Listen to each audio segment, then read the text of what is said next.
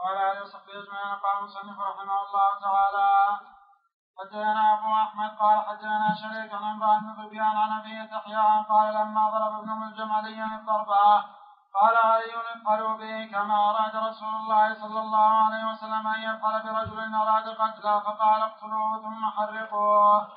درجته؟ ما هما؟ لأنه شريك من الاقارب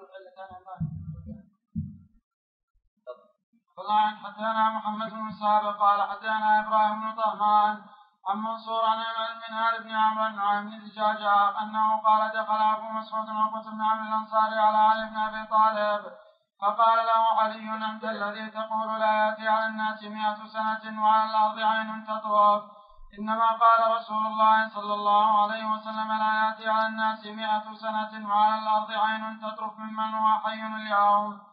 والله إن والله إن رخاء هذه الأمة بعد بعد مئة عام. والله والله. والله إن رخاء هذه الأمة بعد مئة عام. والله. والله إن رخاء والله إن رخاء هذه الأمة بعد مئة عام.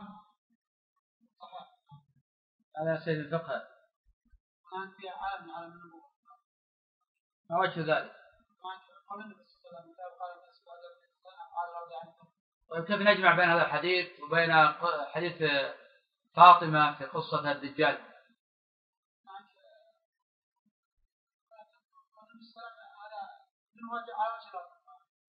وهو الدجال باسمه لا جلال هذا مطلق هذا مقيد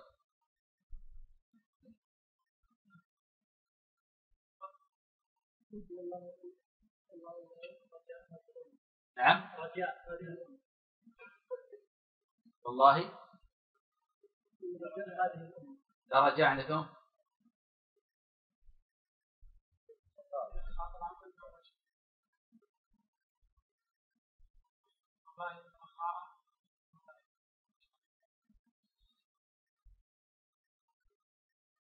أنا بعلي عندك الأخير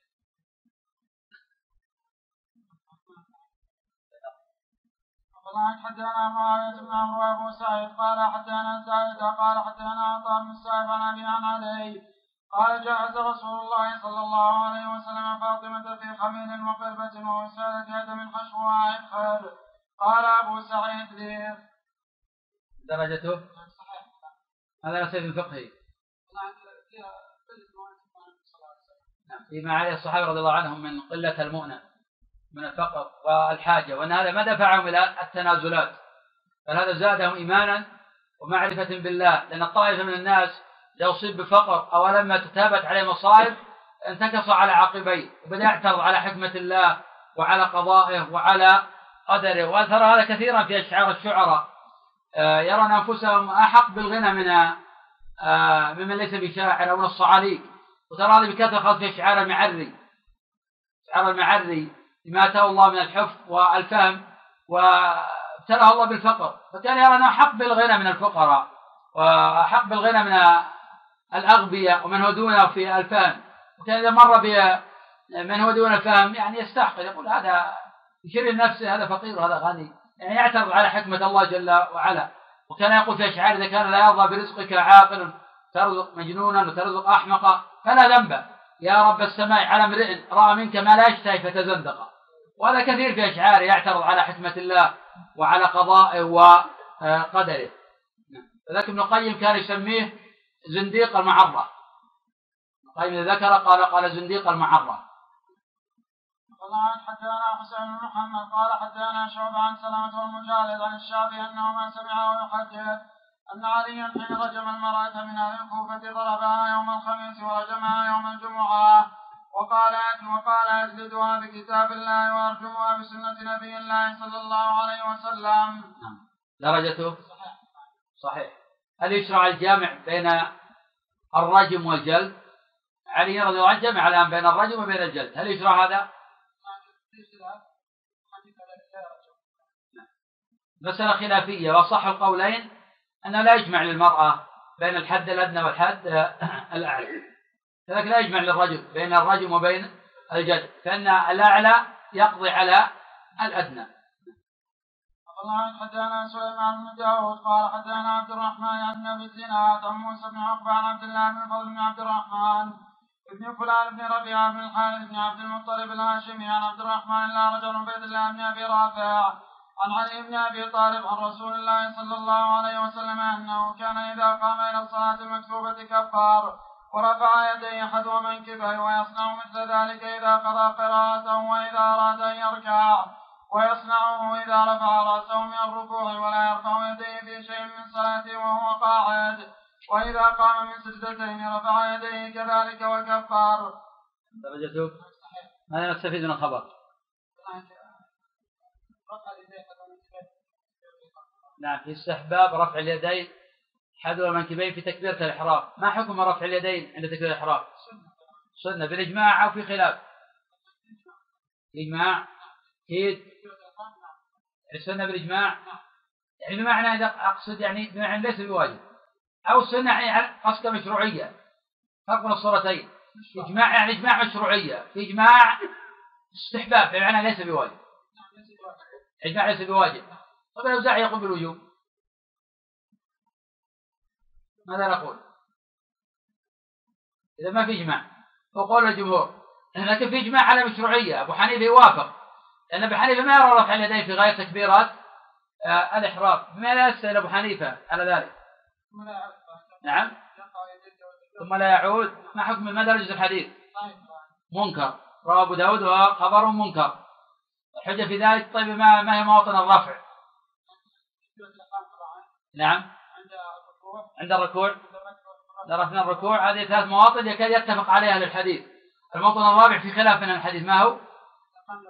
إذا قام ركعتين. وحديث البخاري لكن في صحة خلاف صحة خلاف ولذلك عن أحمد روايتان رواية قال بذلك ورواية قال مشهور الحديث في المذهب؟ أنه لا يرفع يديه. لذلك تجد كتب المتأخرين من أصحاب أحمد لا يرون الرفع. لأن هذه الرواية مشهورة عن أحمد. نعم. أخبرنا حدثنا علي بن حفص؟ قال أخبرنا ورقاء عن منصور عن المنهال عن بن دجاجة قال دخل أبو مسعود على علي فقال أنت القائل؟ قال رسول الله صلى الله عليه وسلم. لا يأتي على الناس مئة عام وعلى الأرض نفس منفوسة. إنما قال رسول الله صلى الله عليه وسلم لا يأتي على الناس مئة عام وعلى الأرض نفس منفوسة. ممن هو حي اليوم. وإن رخاء هذه الأمة بعد المئة. درجته صحيح. الله حدثنا علي بن إسحاق قال أخبرنا عبد الله قال أخبرنا الحجاج بن ارطاه عن عطاء الخراساني أنه حدثه عن مولى امراته عن علي بن أبي طالب قال إذا كان يوم الجمعة خرج الشياطين خرج الشياطين يربثون الناس إلى أسواقهم ومعهم الرايات. وتقعد الملائكة على أبواب المسجد يكتبون الناس على قدر منازلهم السابق والمصلي والذي يلي حتى يخرج الإمام فمن دنا من الإمام فأنصت واستمع ولم يلغو. كان له كفلان من الأجر ومن نهى عنه فاستمع وأنصت ولم يلغو. كان له كفل من الأجر ومن دنا من الإمام فلغى ولم ينصت ولم يستمع. كان عليه كفلان من الوزر ومن نهى عنه فلغى ولم ينصت ولم يستمع. كان عليه كفل من الوزر ومن قال صح فقد تكلم ومن تكلم فلا جمعة له. ثم قال هكذا سمعت نبيكم. سمعت؟ أخلاق ثم قال هكذا سمعت نبيكم. نعم. درجته؟ ضعيف نعم ضعيف وفي نكارة أيضا. لكن قوله في الحديث من قال صح فقد لغى ومن لغى فلا جمعة له. هل في حديث أن من قال ذلك لا جمعة له؟ هل في حديث صحيح؟ نعم. عمرو شعيب على عن جده؟ نعم صح ابن خزيمة. ما معنى لا جمعة له؟ لا جمعة. هل معنى يعيدها كما فهم من ذلك أبو محمد بن حزم؟ ثم صحت جمعة إذا يصليها ظهرا هكذا فهم من الخبر ابن حزم. أم نفهم فهما آخر وهو فهم الجمهور؟ ما هو فهم الجمهور؟ نعم. نفي الكمال صحيح لكن ما المقصود نفي الكمال هنا. لأنه قال لا جمعة له. هل نقول لا جمعة له كاملة؟ ونحن نعرف أن الأصل في لا عند أهل اللغة وأهل البيان وأهل الأصول وأهل القواعد أن تقتضي إذا دخلت على الشيء نفي ما دخلت عليه. هذا الأصل فيها. فلا نخرج عن هذا الأصل إلا بدليل. كما نقول لا صلاة لمن لم يقرأ فتح كتاب لا صلاة بحضرة طعام يعني يكتب الأجر صلاة الظهر. صحيح. هذا الصواب في المسألة. هذا الصواب في المسألة. فلا يوجد نعم درجته؟ ضعيف. ما معنى الحديث؟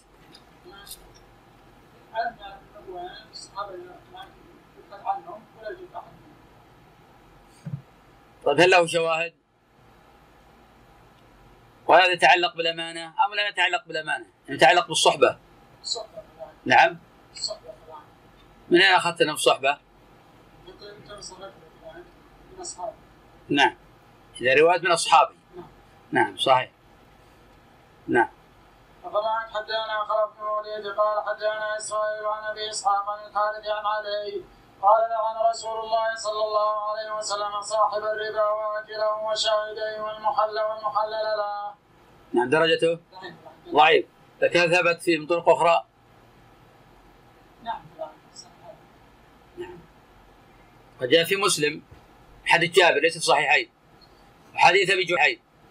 وحديث أبي جحيم في البخاري. حديث مسلم لعن رسول آكل الربا وموكله وكاتبه وشاهدي وقال هم سواء. ماذا نستفيد من هذا الخبر؟ حين لعن آكل الربا وموكله وكاتبي مع أن هذا ما شارك. يعني لو لم يأكل الربا إذا شارك في الربا صار بمنزلة أكل الربا جيد إذا الرد بمنزله الفاعل والراضي بمنزله الفاعل في دليل من القرآن يدل على هذا؟ ما هو؟ فعقروها. الله جل وعلا بلفظ الجمع قال فعقروها. والذي عقرها واحد. لكن البقية كانوا معاونين وكانوا راضين له. طيب عن الصحابة في شيء يشهد لهذا؟ نعم قول عمر رضي الله عنه لو تمالى أهل صنعاء على قتل رجل واحد لقتلتم به جميعا. صحيح هذا ولا ضعيف؟ صحيح نعم. والله حدانا عفان قال حدانا شعبة قال أخبرنا أبو سمعت عبيرة يقول سمعت عليا يقول نهى رسول الله صلى الله عليه وسلم أو نهاني رسول الله صلى الله عليه وسلم عن خاتم الذهب والقسي والميترة. نعم درجته؟ ماذا نستفيد من فقه الحديث؟ أولا قلناها ما حكم النهي هل هو التحريم أو الاستحباب؟ ما هو الدليل عن النهي للتحريم؟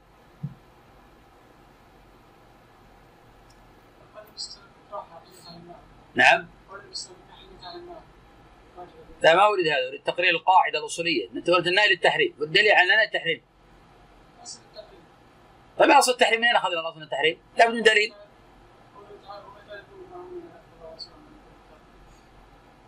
هذا دليل صحيح. طيب ما في أدلة ثانية؟ هذا أمر. طبعا إحنا نحتاج أن تثبت أن هذا الأمر إذا خالف الإنسان عصى الله. لكن نريد أن نثبت كيف انه إذا خالف الأمر صار عاصيا بمعنى يعذب.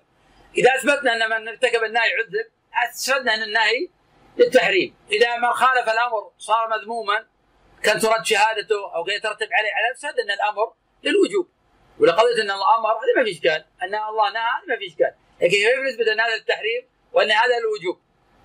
لأن المسألة خلافية بين الأصوليين. كما قال في المراقي وافعل لدى الأكثر الوجوب وقيل للندب أو المطلوب. وقيل للوجوب أمر ربي وأمر من أرسله للندب. لكن نريد أن نثبت هذا بالأدلة. فليحذر الذين يخالفون عن أمره. أن تصيبهم فتنة أو يصيبهم عذاب أليم. هذا دليل أن المتخلف عن الأمر يترتب عليه عذاب شديد. طيب العاصي.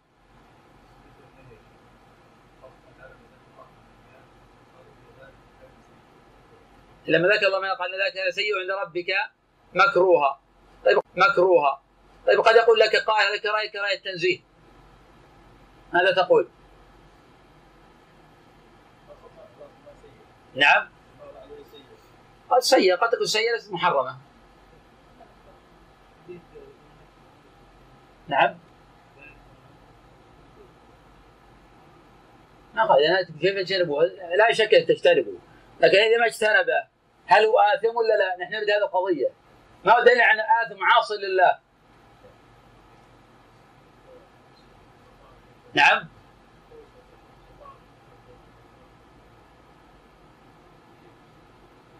صحيح هذا في البخاري. أن النبي صلى الله عليه وسلم قال كل أمتي يدخلون الجنة إلا من أبى. قال يا رسول من يأبى؟ قال من أطاعني دخل الجنة ومن عصاني فقد أبى. نعم. حدثنا عفان قال حدثنا وائل قال حدثنا ايوب عن عكرمه عن ابي طالب قال يهدى المكاتب بقدر ما ادى. نعم. درجة أولا. ضعيف، ما معنى هذا الخبر؟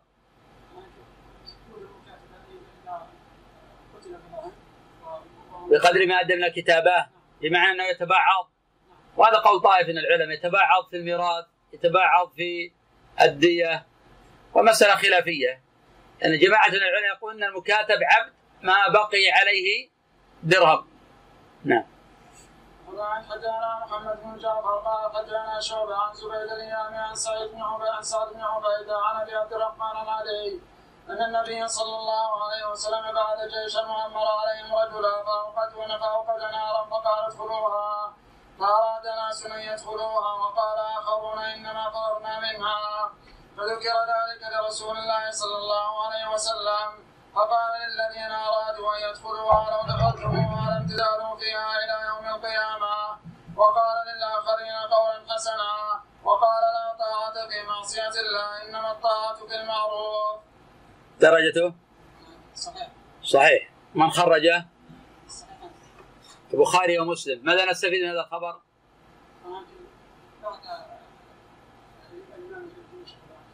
لأن الإمام يبعث الجيوش والسرايا من فوائد الحديث؟ أن طاعة المخلوق في معصية الخالق. من فوائد الحديث؟ ادخل بعمق في المسائل. نعم.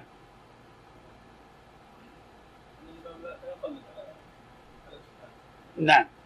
أن الأمير لا يقلد على اجتهاده إنما يقلد على ما جاء بالكتاب والسنة. من فوائد الحديث أيضا؟ عمق ادخل بعمق المسألة. في الحديث فيه فوائد كثيرة. نعم؟ نعم ان ولايه الامير خاصة الامير خاصة فيما يتعلق بترتيب أمور الجيش وليست عامة ليست ملزمة أيضا. وانهم إذا عصوا وأن أطاعوا الله وعصوا كانوا مطيعين لله وغير عصي الله في الحقيقة. نعم في أن التأويل إنك ليس كل تأويل يلتمس لصاحب العذر. وهذا حديث صريح أن بعض التاويلات باطلة توضع تحت الأقدام ولا يلتفت إليها. والدليل على هذا أن النبي أوصاهم بطاعة الأمير. أوصاهم بطاعة الأمير. ومع وصية النبي صلى الله عليه وسلم للصحابة بطاعة الأمير حين غضبوا في أثناء الطريق جمع حطبا وأوقده وأمرهم بدخول النار. قال يرحمك الله إنما خرجنا معك فرارا من عذاب الله. كيف ندخلها؟ قولوا هذاك ادخلوها. ألم يأمركم النبي بطاعتي؟ ادخلوها. وهذا كان غضب. فلما سكن غضبه وطفئت النار ورجعوا إلى الرسول صلى الله عليه وسلم. قال والذي نفسي بيده لو دخلوها ما خرجوا منها. مع أن هذا لو ت... مع أن هذا لو تأولوا فيه كان من أعظم أنواع وأقوى أنواع التأويل. لو تأولوا في هذا لكان من أقوى أنواع التأويل. لأن النبي أمرهم بطاعته. قال اسمعوا له وأطيعوا. وبعينه أيضا. ليست طاعة عامة. عينه لهم قال اسمعوا له واطيعوا ومع ذلك يقول النبي صلى الله عليه وسلم والذي نفسي بيده لو دخلوا النار ما خرجوا منها. ففي أن بعض التأويلات توضع تحت الأقدام ولا قيمة لها وليس كل تأويل ينظر فيه لصاحبه. بعض التأويلات باطلة يشترط في التأويل أن يكون له وجه من العلم ووجه من اللغة. أما ما لا وجه له لا من العلم ولا من اللغة فلا يلتفت لصاحبه. من فوائد الحديث أيضا.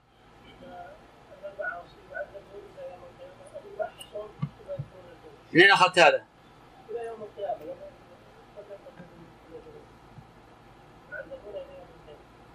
قصدك ما خرجوا منها إي نعم اللفظ هذه قصدك. نعم نعم هذا صحيح. لكن هذا هذا يعني أن هؤلاء كفروا أو ما كفروا. أو أنهم أصحاب كبائر.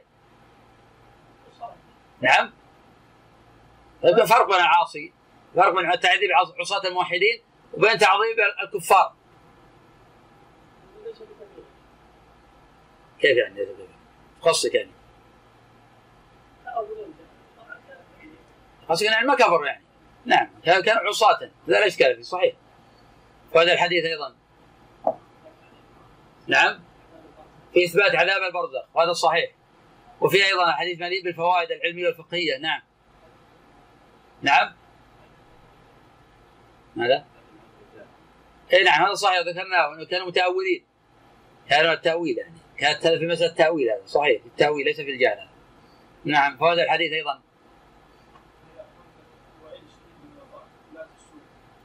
نعم في الوعيد الشريعة من الطاعه الأمراء في أذية الآخرين ومعصية الله جل وعلا. لأن هذا لو اطاعوا كانوا متأولين فكيف يطاع غير متأول؟ يكون أشد عذابا وأشد آه، جرما. نعم. حدثنا بن جرير قال حدثنا ابي قال سمعت الاعمش يحدث عن عبد المر عن بالبختر عن علي قال قال عمر بن الخطاب للناس ما ترون في فضل فضل عندنا من هذا المال فقال الناس يا امير المؤمنين قد شغلناك عن اهلك وضيعتك وتجارتك فهو لك فقال لي ما تقول انت فقلت قد اشاروا عليك فقال قل فقلت لم تجعل يقينك ظنا قلت فقلت أجل والله لاخرجن منه. أتذكر حين بعدك نبي الله صلى الله عليه وسلم ساعيا فأتيت العباس بن عبد المطلب فمنعك صدقته صدقته فكان بينكما شاهد. وقلت لي انطلق معي إلى النبي صلى الله عليه وسلم فوجدناه فوجدناه خادرا. فرجعنا ثم غدونا عليه فوجدناه طيب النفس فأخبرته بالذي صنع فقال لك أما علمت أن عم الرجل أن عم الرجل اسم أبيه؟ وذكرنا له الذي رأيناه من قثوره في اليوم الأول والذي رأينا من طيب نفسه في اليوم الثاني. فقال إنكما أتيتماني في اليوم الأول وقد بقي عندي من الصدقة ديناران فكان الذي رأيتما من قثوره لا واتيتماني اليوم وقد وجهتهما فاكتداك الذي رايتماني من طيب نفسي فقال عمر صدقت والله لا أشكرن لك الأولى والآخرة. نعم درجته؟ أم عابد. نعم درجته؟ نعم في الحارث وأيضا هنا ماذا ماذا نستفيد من فقهي؟ نعم وفي أيضا هل يدل هذا على أن عمر لا يرى الخلافه في قريش؟ أو أن هذا من باب التنبيه بالفضل. نعم هذا قول طائفه وبعض العلماء يقول هذا خارق للاجماع نعم. عن حدثنا وكيع قال حدثنا شعبة عن الحكم عبد الرحمن بن أبي ليلى قال حدثنا علي أن فاطمة شكت إلى النبي صلى الله عليه وسلم أثر العجين في يدها. فأتى النبي صلى الله عليه وسلم سبي فاتته تسأله خاتمة فلم تجده فرجعت. قال فأتانا وقد أخذنا مضاجعنا قال فذهبت لأقوم. فقال مكانكما. فجاء حتى جلس حتى وجدت برد قدمه. فقال ألا أدلكما على ما هو خير لكما من خادم؟ إذا أخذتما مفتاحكما سبحتما الله ثلاثا إذا أخذتما مفتاحكما سبحتما الله ثلاثا وثلاثين وحمدتما ثلاثا وثلاثين وكبرتما أربعا وثلاثين. درجته؟ صحيح. ماذا نستفيد من الخبر؟ فإن الذكر من أقوى الأمور على المعينة على أمور الدنيا. وذلك كان علي رضي الله عنه يحافظ على هذا. وما تركه ولا ليلة واحدة. قيل له ولا ليلة صفين أي وقت الحرب قال ولا ليلة صفين والنبي أرشد هذا الذكر قال ذلك خير لك من خادم. وهذا عام في كل الطاعات. لأن العبد إذا كان مطيعا لله فإنه أقوى على أمور الدنيا من العاصي. نعم.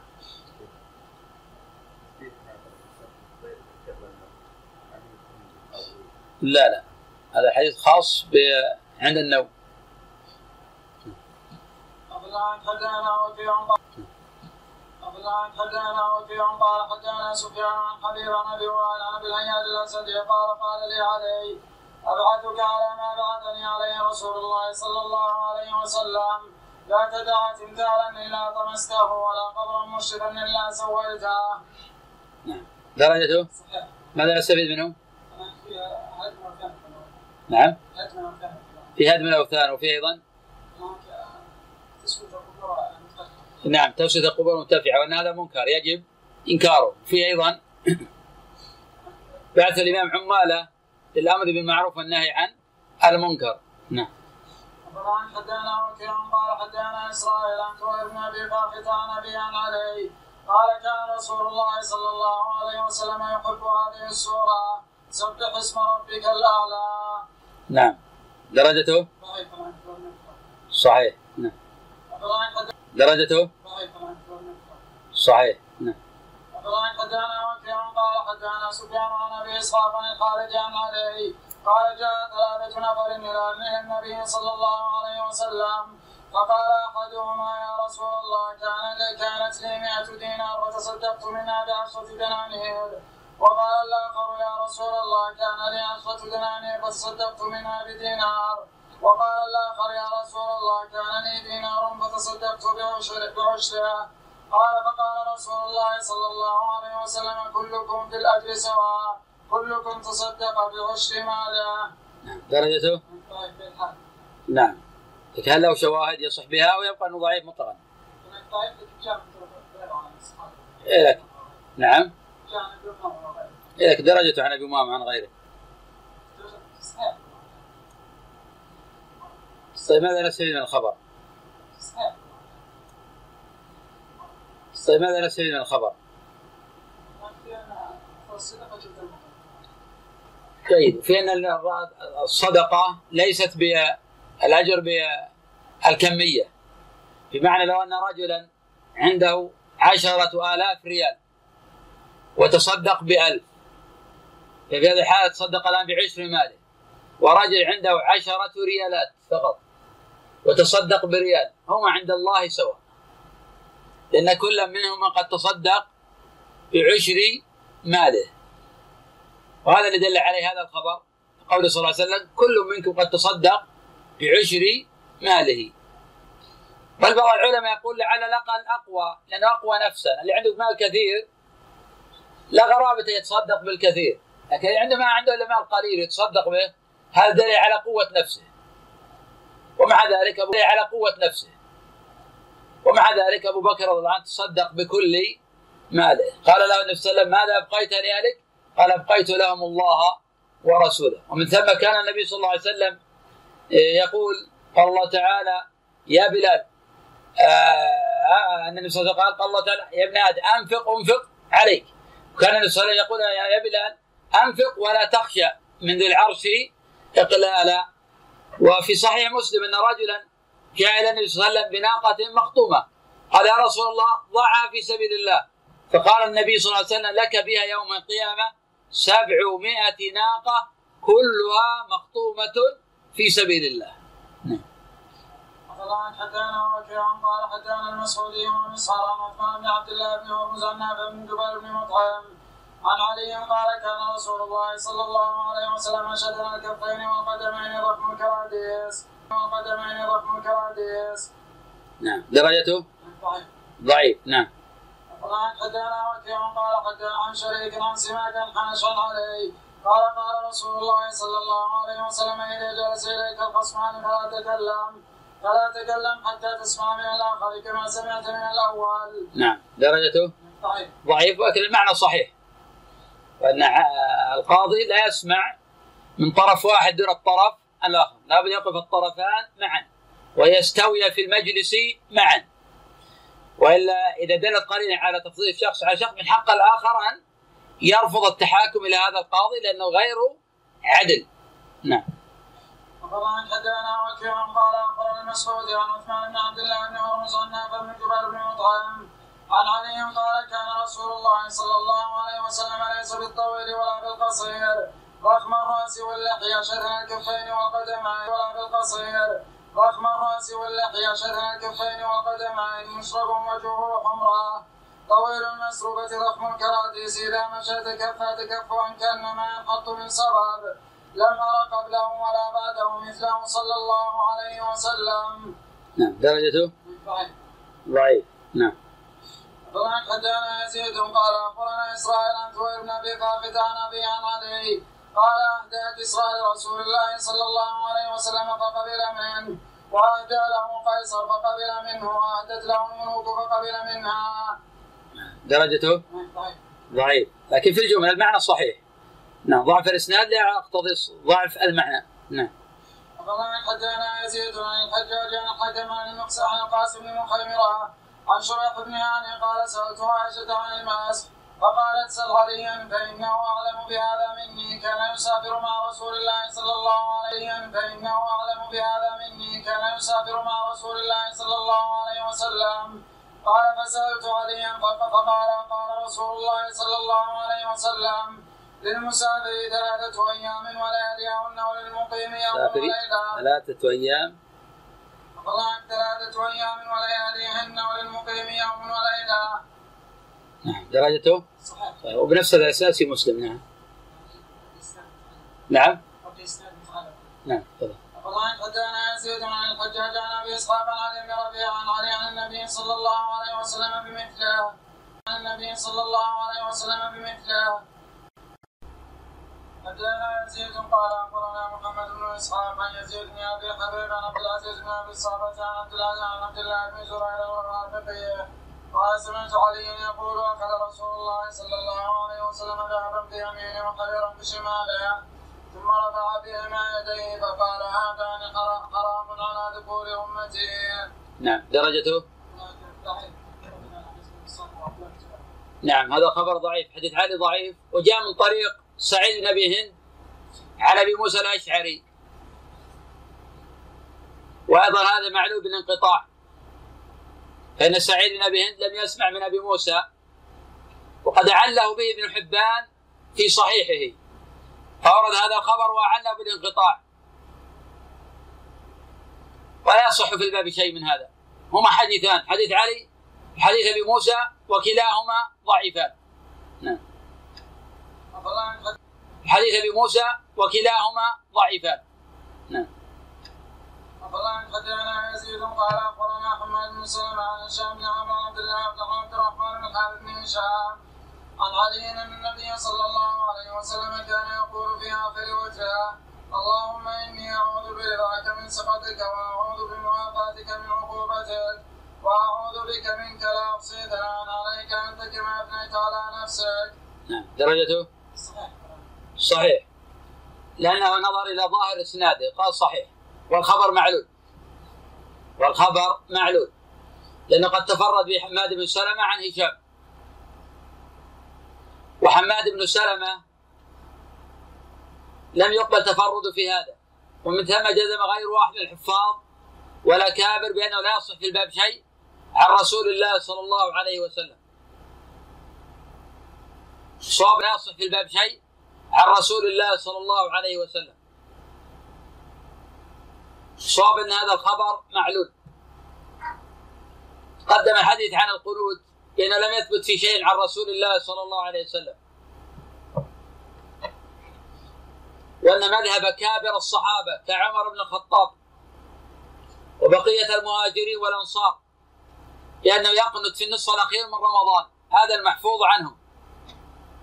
وهذا اللي ورد عنهم بأسانيد صحاح فلو كان هذا الخبر معروفا ما اقتصروا على النص الأخير من رمضان.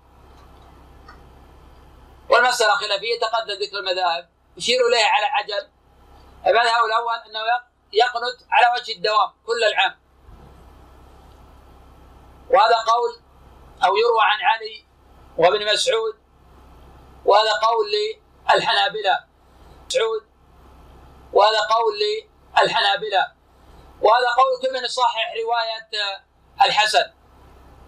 القول الثاني أنه يقنط أحيانا ويدع أحيانا وهذا اختيار شيخ الإسلام ابن تيمية رحمه الله. فقد قال الناظم لاختيارات ابن تيمية ولا تقنطن في كل وترك يا فتى فتجعله كالواجب المتأكد وكن قانتا حينا وحينا فتاركا لذلك تسعد بالدليل وتقتدي ففعل وترك سنة وكلاهما أتت عن رسول الله إن كنت مقتدي. والمذهب الثالث أنه لا يقنط إلا في النصف الأخير من رمضان. وهذا آخر الروايتين عن الإمام أحمد رحمه الله. وهذا اللي استقر عليه مذهبه وإن كان غير مشهور عن أحمد. لكن هذه الرواية هي التي نص عليها الإمام أحمد رحمه الله. والعجيب أنها مروية في المغني. والعجيب أنها مروية في المغني ومع ذلك ما اشتهرت. وعادة ما يذكر الحافظ ابن قدامة رحمه الله في المغني يشتهر لكن هذه الرواية في المغني ما اشتهرت. لأن عمل الناس لم يكن على هذه الرواية. وهذا ثابت عن جمع من الصحابة. منهم عمر رضي الله عنه وغيره.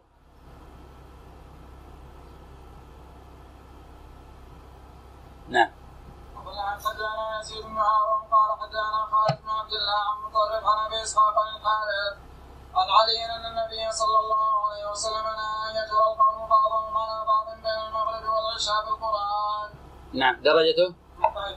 ضعيف في هذا حارث الأعور لكن المتن؟ صحيح. صحيح تقدم عندنا اشرنا لك مرة وأنا في سنن ابي داود. نعم. وطبعا حدثنا يزيد قال اخبرنا شريك بن عبد الله عن ابي إسحاق عن علي بن ربيعة قال رأيت عليا اتي بدابة يركبها. فلما وضع رجله في الركاب قال بسم الله عليا اتي بدابه يركبها فلما وضع رجله في الركاب قال بسم الله. فلما استوى عليها قال الحمد لله سبحان الذي سخر لنا هذا وما كنا له مقرنين. وإنا إلى ربنا لمنقلبون. ثم حمد الله ثلاثا وكبر ثلاثا. ثم قال سبحانك لا إله إلا أنت قد ظلمت نفسي فاغفر لي. ثم ضحك فقلت مما ضحكت يا أمير المؤمنين؟ قال رأيت رسول الله صلى الله عليه وسلم فعل مثل ما فعلت ثم ضحك فقلت مما ضحكت يا رسول الله قال يعتق الرب من عبده. إذا قال رب اغفر لي ويقول علم عبدي أنه لا يغفر ذنوب غيره. نعم درجته؟ ما هما العلتان؟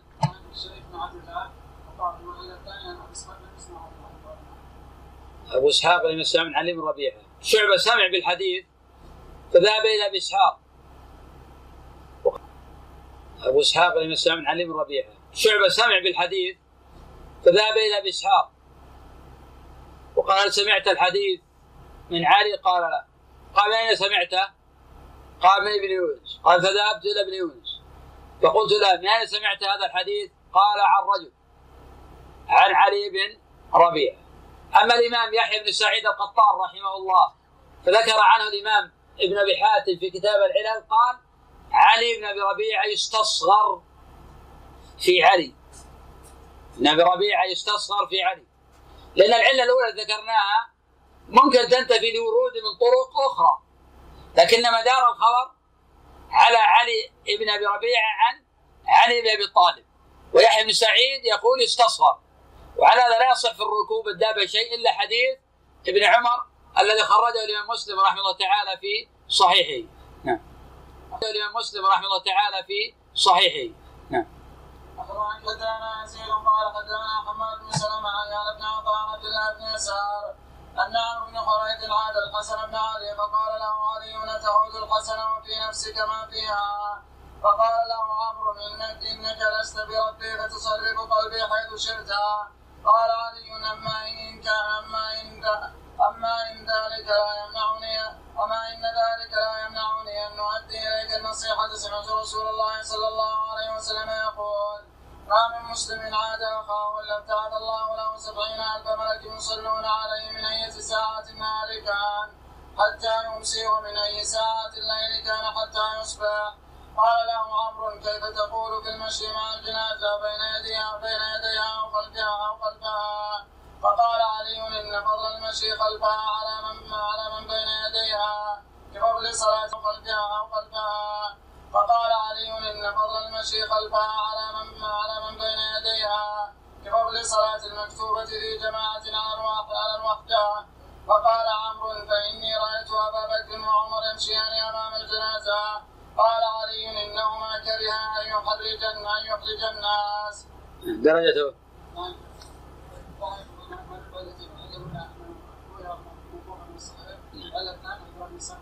نعم وصح العلل أنه موقوف ولا صح ماذا يستفيد من هذا الخبر؟ فضل من عادة اكتب لنا حديثا في فضل عيادة المريض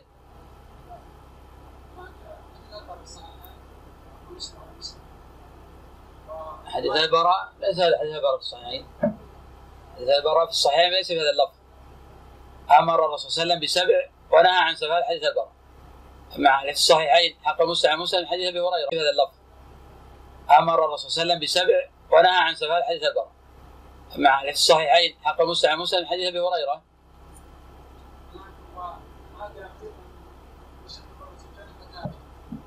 نعم. نعم من عاد مريضا لم يزل في غرفة الجنة حتى يخرج. من رواه؟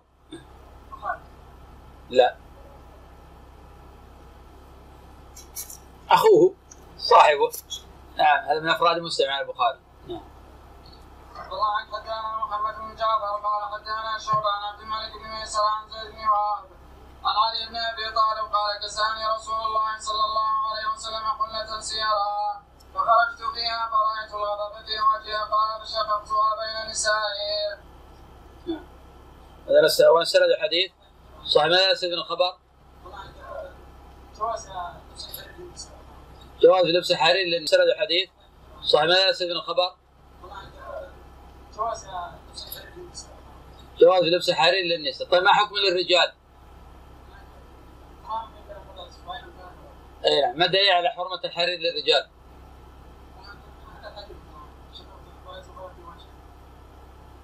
نعم طيب ما في أصرح منه.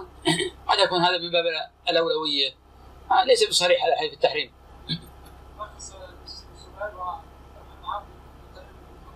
وهذا ليس بصريح لأن الرخصة ليس بلازم تقابل العزيمة كما بسطنا هذا في من موضع.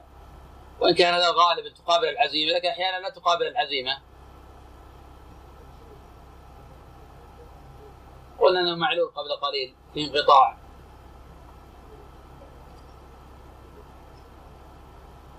نهى الرسول صلى الله عليه وسلم عن الحرير لموضوع أربعة صحيح نص صريح المسألة كذلك في الصحيحين أن النبي صلى الله عليه وسلم ما لبس الحرير في الدنيا لم يلبسه لموضوع أربعة صحيح نص صريح المسألة كذلك في الصحيحين أن النبي صلى الله عليه وسلم ما لبس الحرير في الدنيا لم يلبسه في الآخرة وهذا دليل أيضا على أدلة أدلة متواترة عن النبي صلى الله عليه وسلم في تحريم لبس الحرير أنه محرم. نعم. قال حدثنا محمد بن جعفر قال حدثنا شعبة عن قتادة قال قال عبد الله بن شقيق كان عثمان ينهى عن المتعة وعلي يأمر بها فقال عثمان لعلي إنك كذا وكذا ثم قال علي لقد علمت أنا فأنا قد تمتعنا مع رسول الله صلى الله عليه وسلم فقال أجل ولكننا كنا خائفين. نعم هذا نسيب الخبر واسناده إسناده صحيح ماذا نسيب الخبر؟ يعني مر علينا هذا كم مرة؟ هناك نعم ليس بصحيح أن حكم الحاكم يرفع الخلاف وأن الحاكم في المسائل الشرعية العلمية كاحاد الناس إن أدلى برفع الخلاف وأن الحاكم في المسائل الشرعية العلمية كاحاد الناس إن أدلى بحجة قبل قوله ما أدلى بحجة فهو كاحاد الناس. على هذا محاكمة الناس على قول الحاكم إن قوله هو اللي يرفع الخلاف أو الناس يجب يخضعوا لقوله هذا لا أصل له. هذا لا أصل ولم يكن هذا معروفا عن الصحابة ولا عن التابعين. نعم. أخبرنا حدثنا معاذ بن هشام قال حدثني أبي عن قتادة عن أبي حرب بن بن بن أبي الأسود عن أبي الأسود الديلي عن علي. عن علي بن أبي طالب أن رسول الله صلى الله عليه وسلم قال في الرضيع ينضح بول الغلام ويغسل بول الجارية قال قتادة وهذا ما لم يطعم الطعام فإذا طعم غسلا جميعا. نعم. أولا درجته؟ نعم. هذا جاء مرفوعا موقوفا ورجال حفاظ. والصواب وقفه على علي رضي الله عنه. هل صح في الباب شيء؟ وقفه على علي رضي الله عنه. هل صح في الباب شيء؟ حديث من قيس الصحيحين لفظه؟ لكن ما في ما في هذا التفريق. لكن هذا التفريق يقصد بول الجارية ويرش من بول الغلام. حديث بالسمع درجة الحديث بالسمع يغسل جارية ورش من بول الغلام.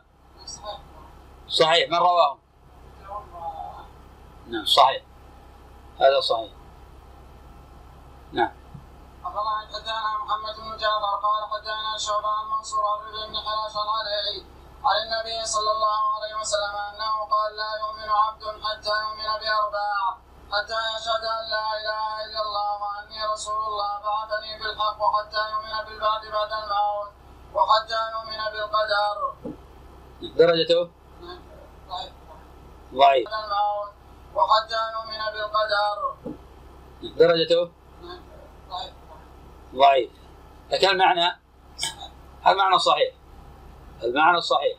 ما المعنى الإجمالي لهذا الحديث؟ طيب ما معنى شهادة أن لا إله إلا الله؟ هل يصح أن تقول لا إله موجود إلا الله؟ نعم يصح؟ لا إله في الوجود الله يصح هذا؟ فما كان أهل الجاهلية ينكرون أن الله كان موجودا؟ إذا ما في فائدة من هذا المعنى إيه معبود إذا الخبر مقدر المحذوف هو معبود. هذا بحق. والآلهة المعبودة كثيرة. بالتالي من قال لا إله موجود أو لا إله لنا.